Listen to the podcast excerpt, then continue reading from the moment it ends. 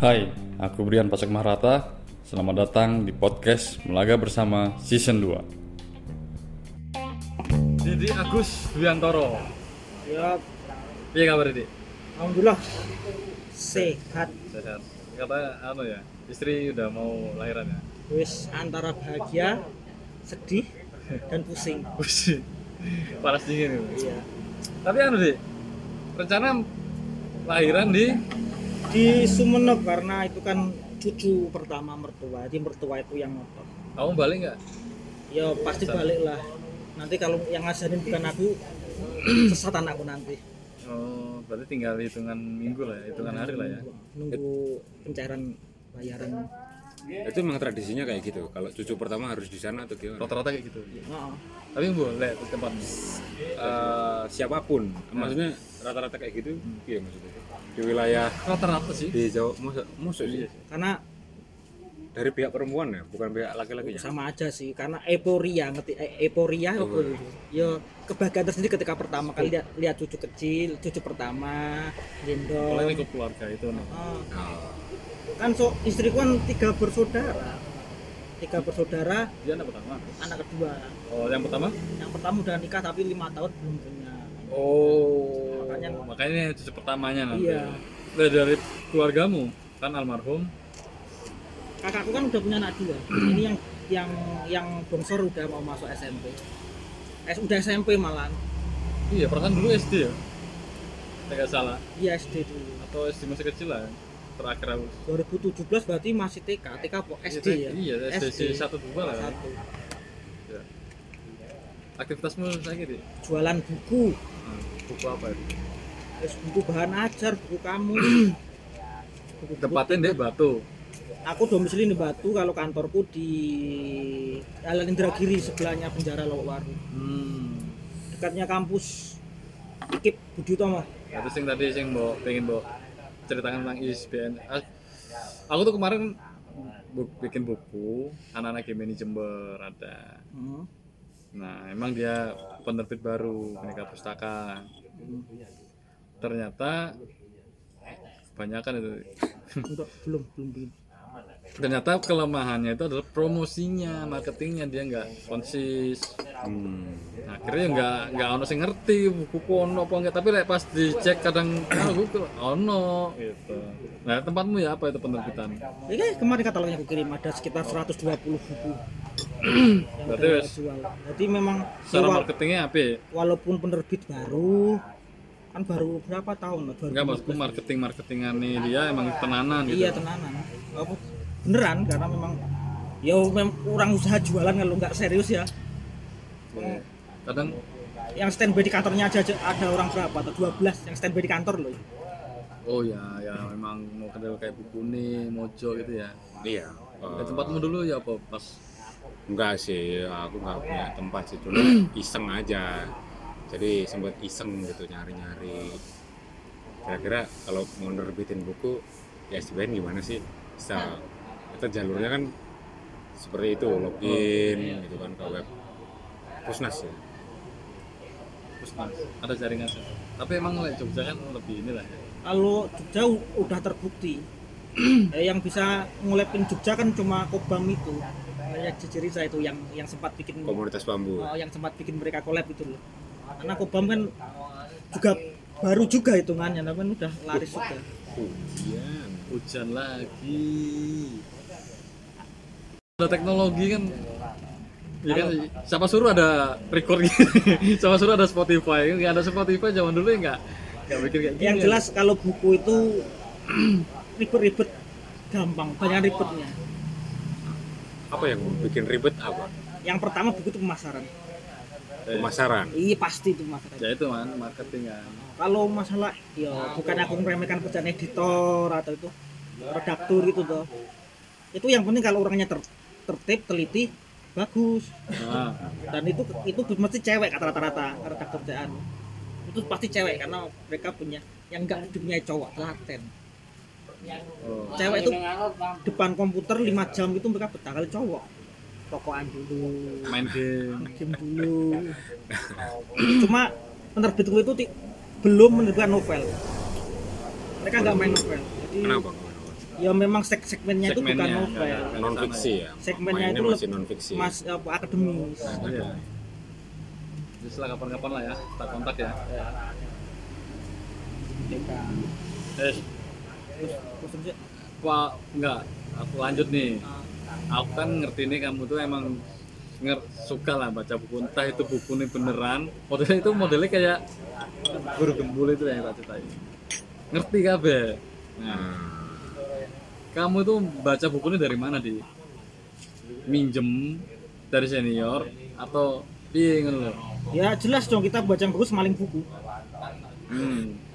makanya masalah kenusantaraan nopo ngerti? Ya walaupun itu lepas benar dan salah ya. Soalnya awal dulu kan nggak nggak baca gitu kan. Iya. tapi secara nggak langsung tuh zaman itu nggak ada Google. Maksudnya ya ada Google tapi jarang lah anak-anak terbatas aksesnya terbatas. Nah. belum semua bisa mengakses. Paling mau baca sehari itu paling sampul. DPR sampul. Nah, tapi dia bisa apa karena aku dulu aktif di GMNI nah, aku dulu nggak PPAB terus? Langsung KTD tapi syarat untuk ikut KTD adalah harus membaca DPR ya kan aku tahu kamu sing mondok di sekretariat. Instruksinya itu cuma suruh baca DPR aku baca semuanya. Nah, tiga hari nggak tidur. Itu terpaksa atau? Ya karena ingin ikut ingin ikut apa semangat ingin ikut tapi GMNI. sebelumnya jurusanmu apa? Aku SMA aku pertanian. Nah kan makanya kan semburat kan. Tapi dari kesemburatan itulah. Karena di SMK itu aku ikut kajian HTI ono mana iya dulu SMA ada guru HTI sekarang ke mana ya? Iya aku tapi awal mula bersentuhan dengan bahan bacaan itu mulai kapan? Mulai mulai yo dari kecil. Kan orang tuamu ada yang guru kan? Ibuku guru. Bapakku suka judi. Dulu langganan majalah bola. Oh. Terus terus mau, mau kan dulu kan hiburannya cuma main PlayStation. Aku main sepak bola juga nggak suka. Maksudnya bukan nggak suka memang memang capek gitu loh. Ya hobi lah. Nggak hobi panas-panas terus kalau nggak punya duit main PlayStation kan kita kan rental. Kalau nggak punya duit nggak ada apa-apa buku. Nah terus aku dulu punya koleksi komik komik Doraemon itu 45 eksemplar. Aku dulu nyelengi tapi kebayang nggak? Pertama kali aku ketemu di Wisma Marinda tuh sekretariat Jawa Timur kan? Sekretariat GMNI, GSNI, GBM, Pemuda Demokrat lah. Itu sekretariat Lawas Marinda namanya Marhen Indonesia. Perhatian ngombe. Ngomongin sejarah. Ini kan anak-anak pada ini kan zaman segitu apa yang dibahas ya? Didik wah. akhirnya sampai hashtag itu kongres itu aku ngusulin Jatim and Didik Jatim mendidik kok emang kurang ajar loh viral pak. Kita kan kobam udah mabuk gitu udah tidur gitu. Didi kumpul di. Wah, dia bagian dongeng. Jadi nah aku masih masih ingat kan suruh bahas sejarah PDI dan PNI gitu. iya benar. Suryati lah apa lah. Makanya kan nggak maksudku kamu kan nggak literasi ini itu kan bacaan itu istilahnya nggak kayak kuliah karena jurusan ini gitu kan. Jurusanmu kan bahasa Inggris nah makanya apa yang membuat motivasimu mau belajar sejarah itu? SMP itu bapakku bawa buku. Bukan buku sih semacam pamflet gitu loh. Tabloid enggak pamflet kan PDI kan tertib toh. Aku kita ngomong partai PDI loh. Itu kan mereka kan mereka kan tertib toh kalau ngasih bahan bacaan ya, kadernya ya, itu. ya. dia itu bawa tulisan namanya Panca 1 Juni. Belum belum belum bisa kan masih masih asing orang di Ya. Aku baca itu. Itu aku jatuh cinta dengan Bung Karno. Tuh. Selain iklim dari Tulungagung juga merah. Iya. Jadi ketika SMK itu diajak HTI ini kok nggak cocok? Karena memang dari SMP kan memang udah bersinggungan dengan nasionalis. nasionalis gitu. Kok nggak cocok? Kok ngomongin jadi mau nggak mau aku kan medalias itu kan kol-kolah itu namanya kol-kolah namanya. Itu kan pasti dijak diskusi di debat gitu tuh aku dulu kan malu kalau nggak ada debat itu. Baca buku mampir ke mampir ke sini eh, di alun-alun ada balai apa perpustakaan daerah ke pusda dulu di alun-alun di masih di Patian.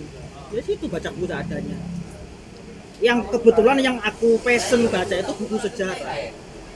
Akhirnya di situlah ketertarikan jadi mulai bukunya Slamet Mulyana, Asmi Mawan Ardan, Juji Riza yang paling baru, almarhum Peter Kasenda, Rikles, tarik Arno Toibi, bahkan mulai bersinggungan tentang marxisme itu dalami juga kalau Marxisme itu aku lebih ke kuliah Marxisme itu.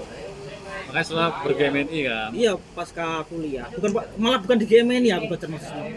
Di PMII malah. loh kamu sempat bisa Enggak, enggak, enggak sempat. oh cuma cuma teman-teman PMI kan banyak ya makanya. Mereka punya banyak buku. Ya aku tahu. Nah aku situ mampir numpang baca. Aku malah situ baca Ges Kapital pertama kali malah bukan malah di di, GMI malah di sana. Malah di PMI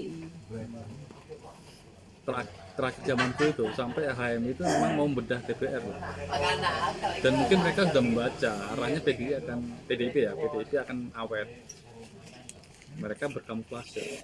Mana ada dulu HMI yang mau ngomongin Soekarno tapi itu ada instruksi.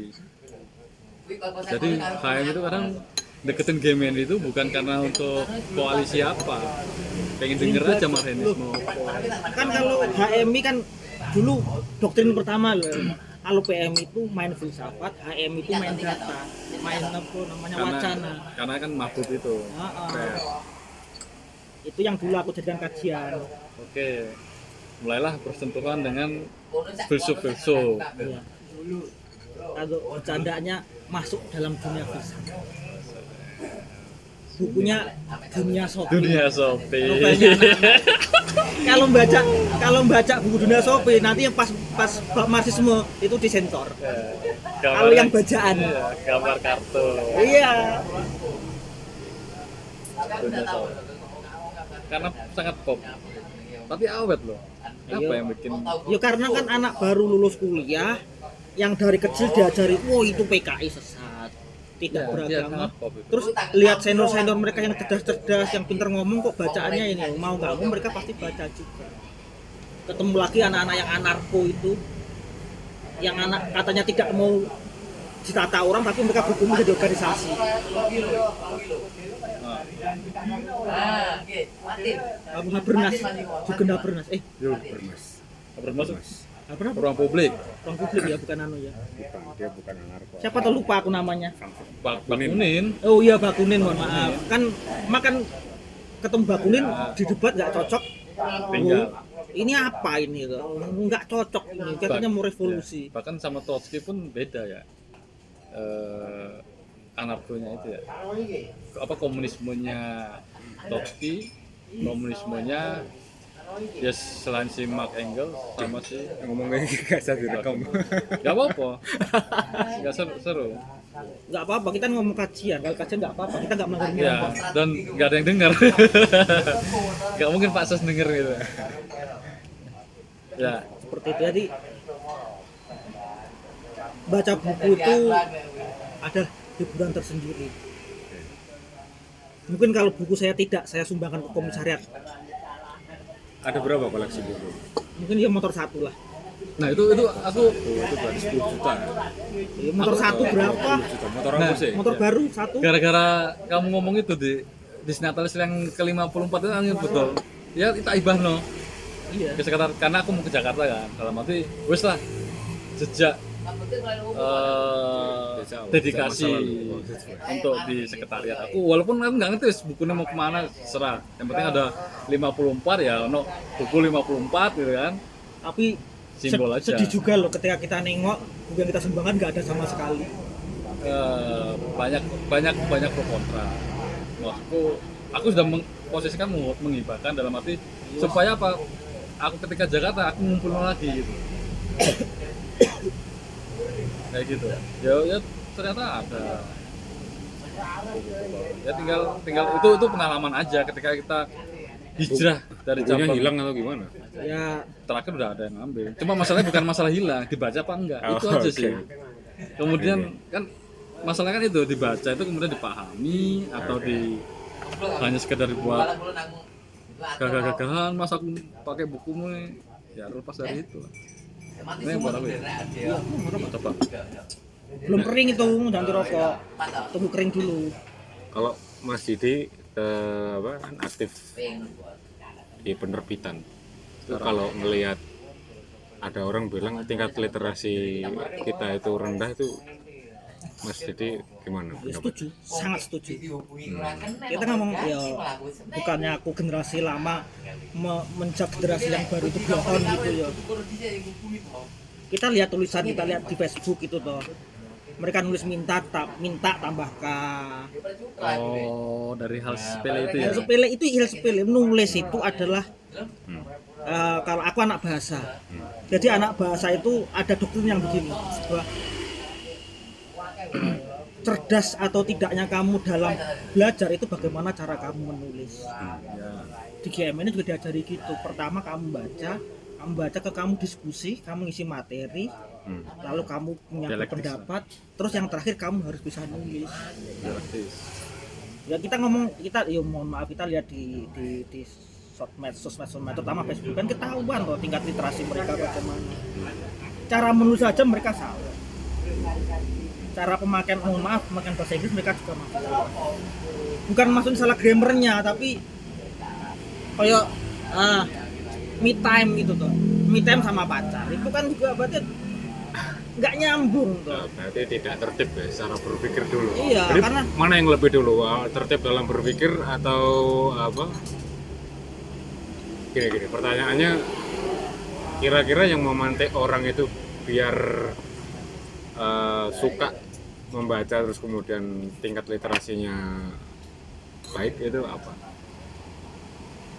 gimana gimana mas gimana gimana Nah, maksudnya kan apa apa literasi itu kan nggak cuma membaca. Hmm. Literasi itu juga menulis terus kemudian memahami, mampu mengkritik balik tulisan eh, bacaan maksudnya.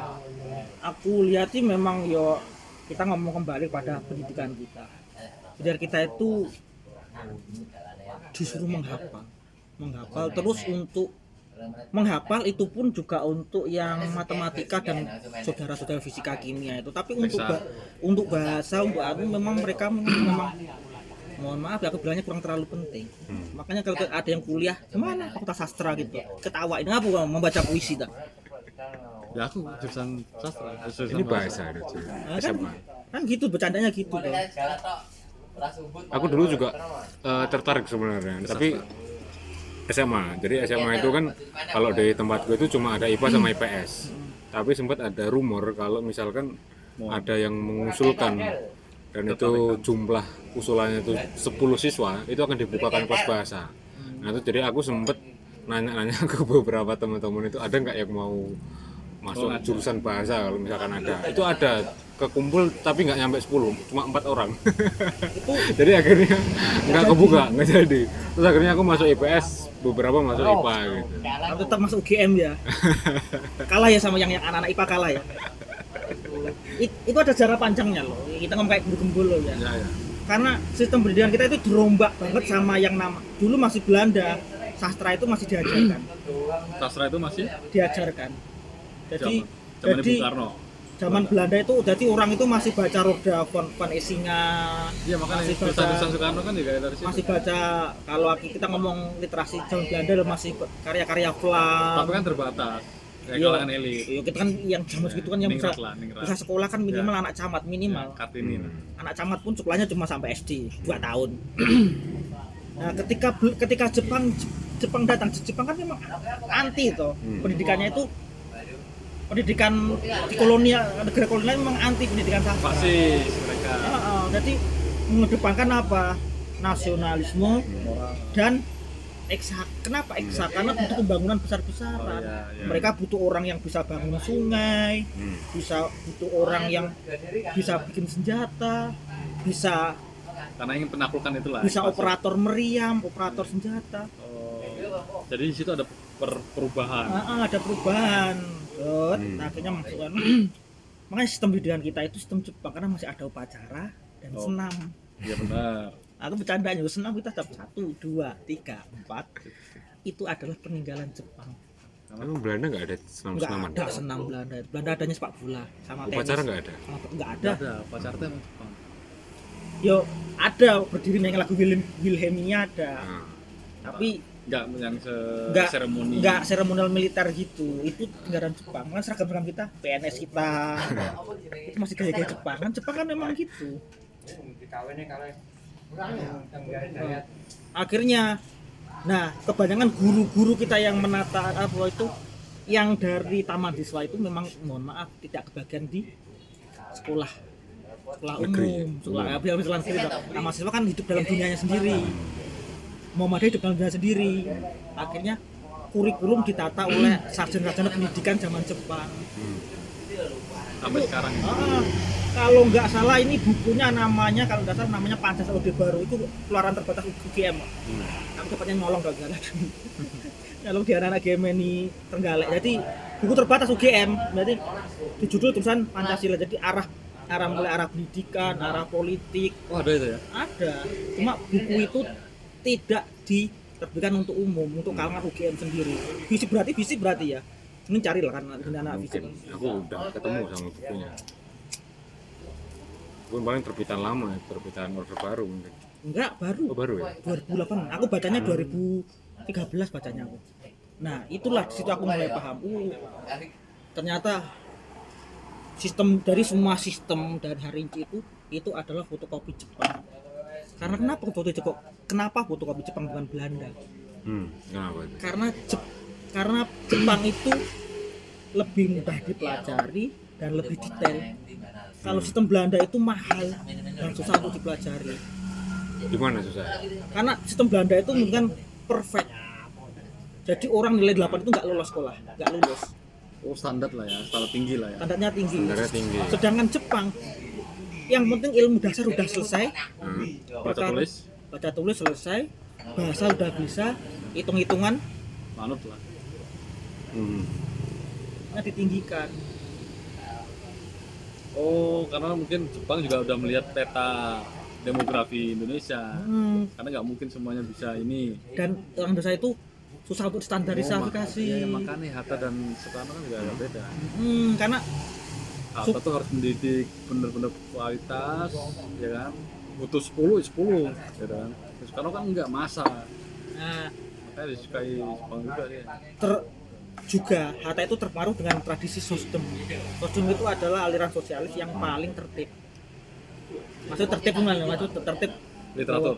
Literatur harus tertib karena mereka itu mau terjun ke dunia demokrasi. Kalau mereka tidak bisa bertarung dalam dunia demokrasi, mereka akan hilang. Itu sosdem. masa Mm-mm. Itu Hatta, Hatta itu sosdem sekali. Dengan Soekarno itu aku bilangnya gaduh-gaduh. Marxis bukan. Iya memang ada Marxisnya, ada dasarnya Marxis. Nasionalisme fasis juga bukan. iya pak dan dia mensosokkan kaisar Iya. Dan aneh maksud ini suatu pemikiran baru kan. Makanya aku bilang Soekarno tidak ada konsepsi. Waduh salah besar. Soekarno itu mantan konsepsi yang baru. Tahan, Cok.